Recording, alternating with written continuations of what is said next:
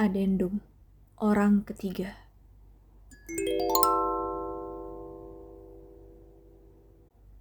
Perselingkuhan. Sebuah konsep yang kompleks. Apa sih alasan orang berselingkuh? Jawaban simpel dan klisenya ya satu. Karena cinta. Cinta yang sudah padam kemudian jadi membosankan. Cinta yang butuh lebih dari apa yang pasangan bisa kasih cinta yang tidak cukup kuat untuk mengikat komitmen, cinta yang tamak, cinta yang tak bersyukur.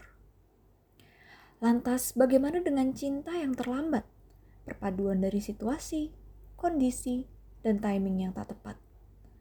Ah, intinya rumit.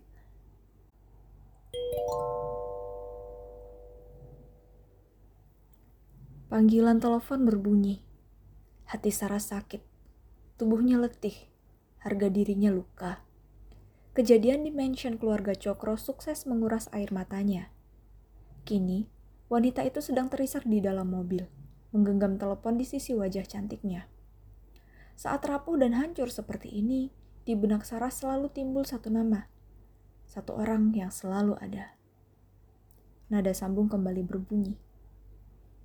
Halo? Saras menggigit bibir, menahan isakan. Halo, Petra. Suara sumbang Saras mengudara. Ras, lo nangis? What happened? Lo di mana sekarang? Gue samperin. Sherlock buruan.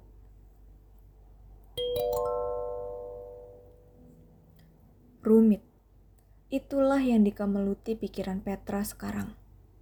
Rumit. Serumit lalu lintas Jakarta yang ditelusurinya malam ini, mulai dari Tebet hingga Gandaria City, hanya demi mencari songgok kue ulang tahun Black Forest permintaan Saras. Dan ya, semua kerumitan ini berpusat pada wanita itu, Griselda Saraswati.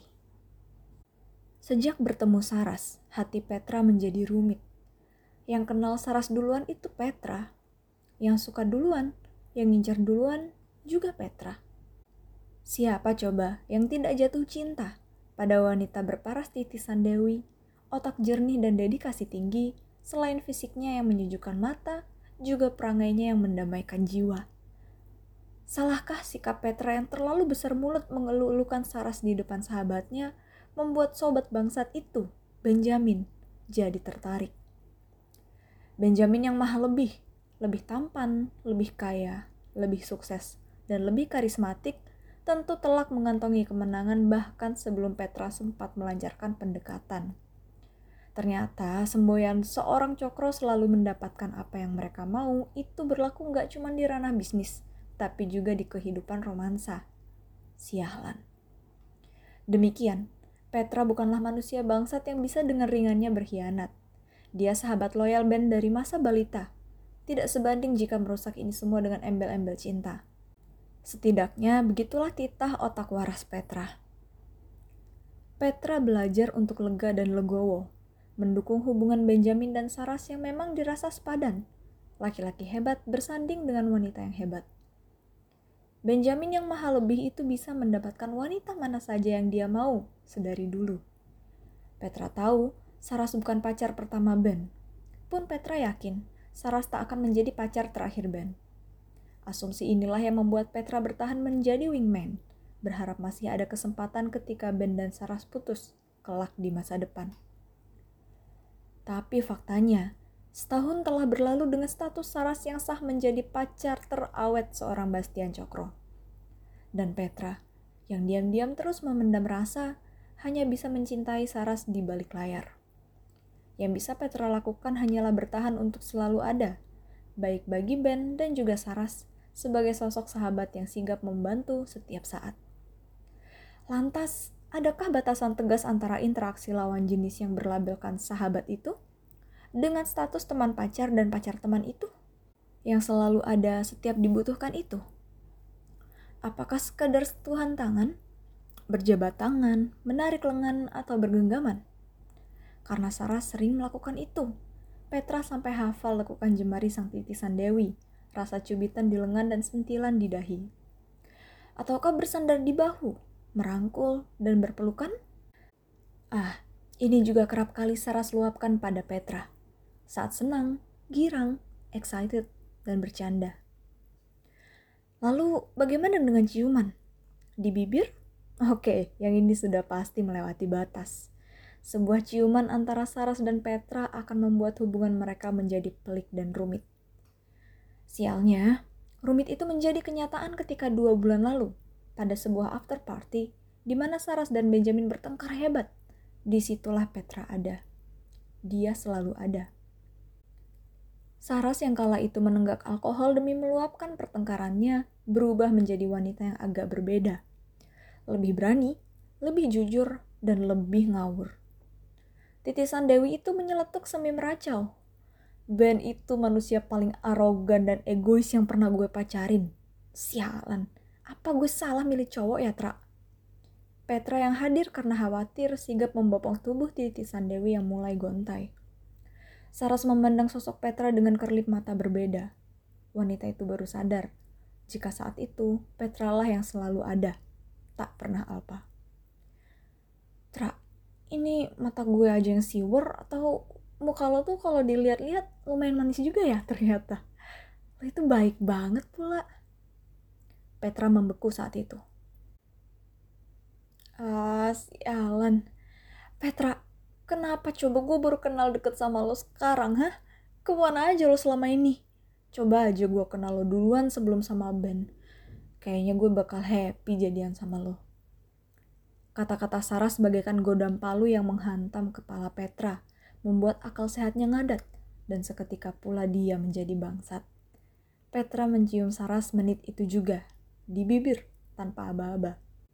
Dan sialnya lagi, Saras membalas ciuman Petra. Sepertinya perempuan itu bersungguh-sungguh atas kalimat yang keluar dari mulut mabuknya.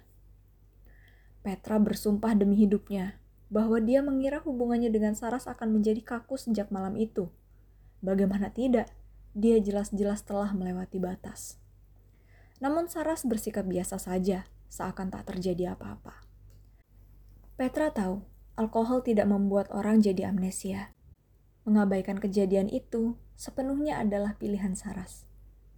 Entah ini mukjizat atau bencana, tapi yang jelas sikap Saras mulai berubah terhadap Petra Layaknya tahu sama tahu jika mereka saling memendam rasa, titisan Dewi itu menjadi lebih lembut, lebih manis, dan lebih sering tersenyum pada sahabat pacarnya.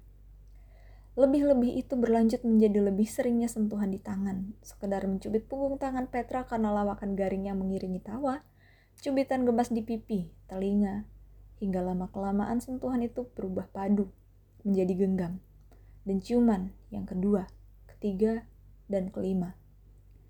Terlepas dari itu semua, Saras paling senang dengan sikap Petra yang selalu ada, tak pernah alpa. Perlahan mereka sadari perasaan yang terkubur realita itu makin hari semakin menjadi nyata. Kini, wajah kalut Petra sedang tertekuk. Kacamatanya memantulkan lampu merah dari mobil di depan. Sementara dia menggenggam roda kemudi, berkutat dengan macetnya lalu lintas. Sekotak kue Black Forest duduk manis di kursi sampingnya. Petang tadi, Saras menangis dalam sambungan telepon, mengadu bagaimana ayah Benjamin membayar ketulusan dan usaha Saras dengan torehan kalimat yang menyakitkan hati. Petra selalu menjadi yang terdepan dalam menawarkan pundak penampung air mata. Namun wanita itu malah meminta di sela isak tangisnya. Gue mau nunggu Ben di apartemennya aja, Tra. Gue bisa minta tolong sama lo ya? Tolong cariin Black Forest kesukaan Ben. Please ya, Tra. Miris.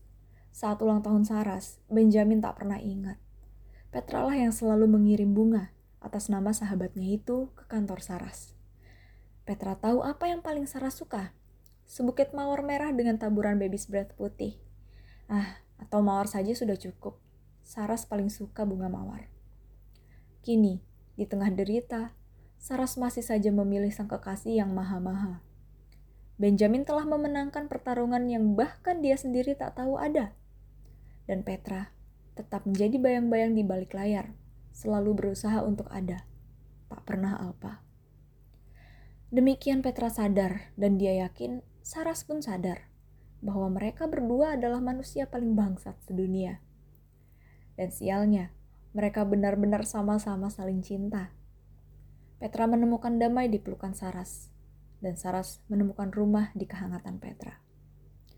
Namun mereka juga tahu Benjamin Cokro terlalu berharga untuk hilang dari hidup mereka. Petra masih butuh pekerjaannya, dan Saras masih ingin memanjat tangga sosialnya. Jadi, di sinilah mereka sekarang, mengkhianati hati, mengubur keinginan untuk bersama, demi menjaga Benjamin tetap utuh sebagai pacar dan sahabat yang menguntungkan, aman dan nyaman dalam ketidaktahuan. thank you